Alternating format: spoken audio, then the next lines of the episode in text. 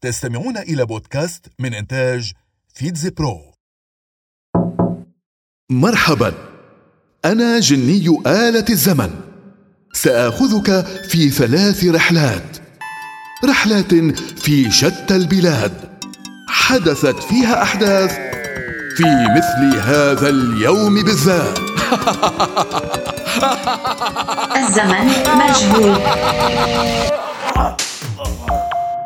أقرتني الجمعية العامة للأمم المتحدة في السابع عشر من كانون الأول ديسمبر عام 1999 فقررت أن أكون يوما دوليا للشباب في الثاني عشر من آب أغسطس من كل عام وذلك بناء على توصية قدمها المؤتمر العالمي للوزراء المسؤولين عن الشباب في اجتماعهم في العاصمة البرتغالية لشبونة.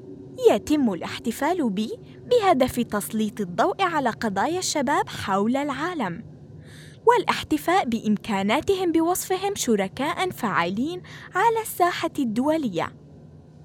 أنا أرى صراحة أن الشباب بإمكانهم أن يكونوا جزءًا من الجهود التي تهدف لحل مشاكل العصر، لذلك تخصيص يوم لهم هو أمر في غاية الأهمية.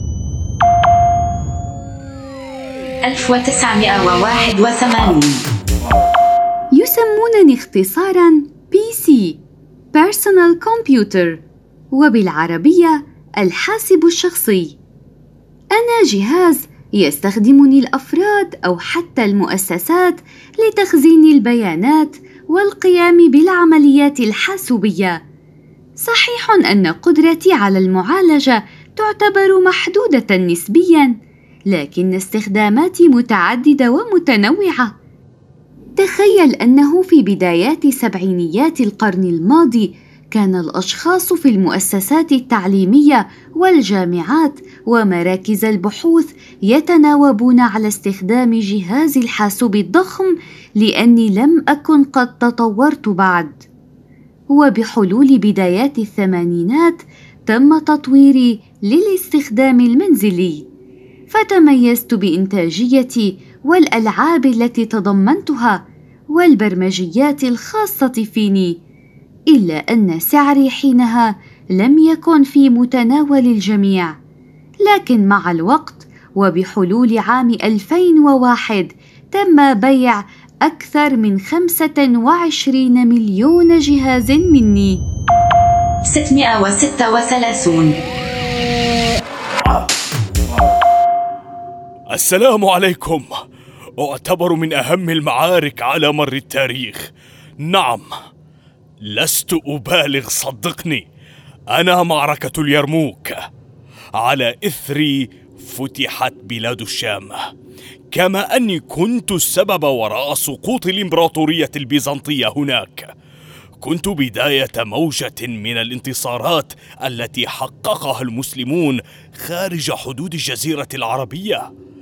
كما كنت تاريخا فاصلا تمكن الإسلام من الانتشار سريعا من بعدي. في بلاد الشام والبلاد الأخرى وقعت بعد وفاة الرسول الكريم محمد بأربع سنوات.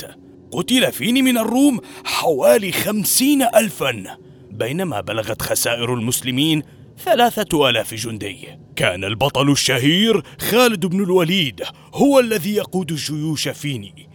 بعد أن تنازل أبو عبيدة بن الجراح عن هذا الدور حدثت هذه المعركة معركة اليرموك في مثل هذا اليوم بالذات. العودة إلى الواقع.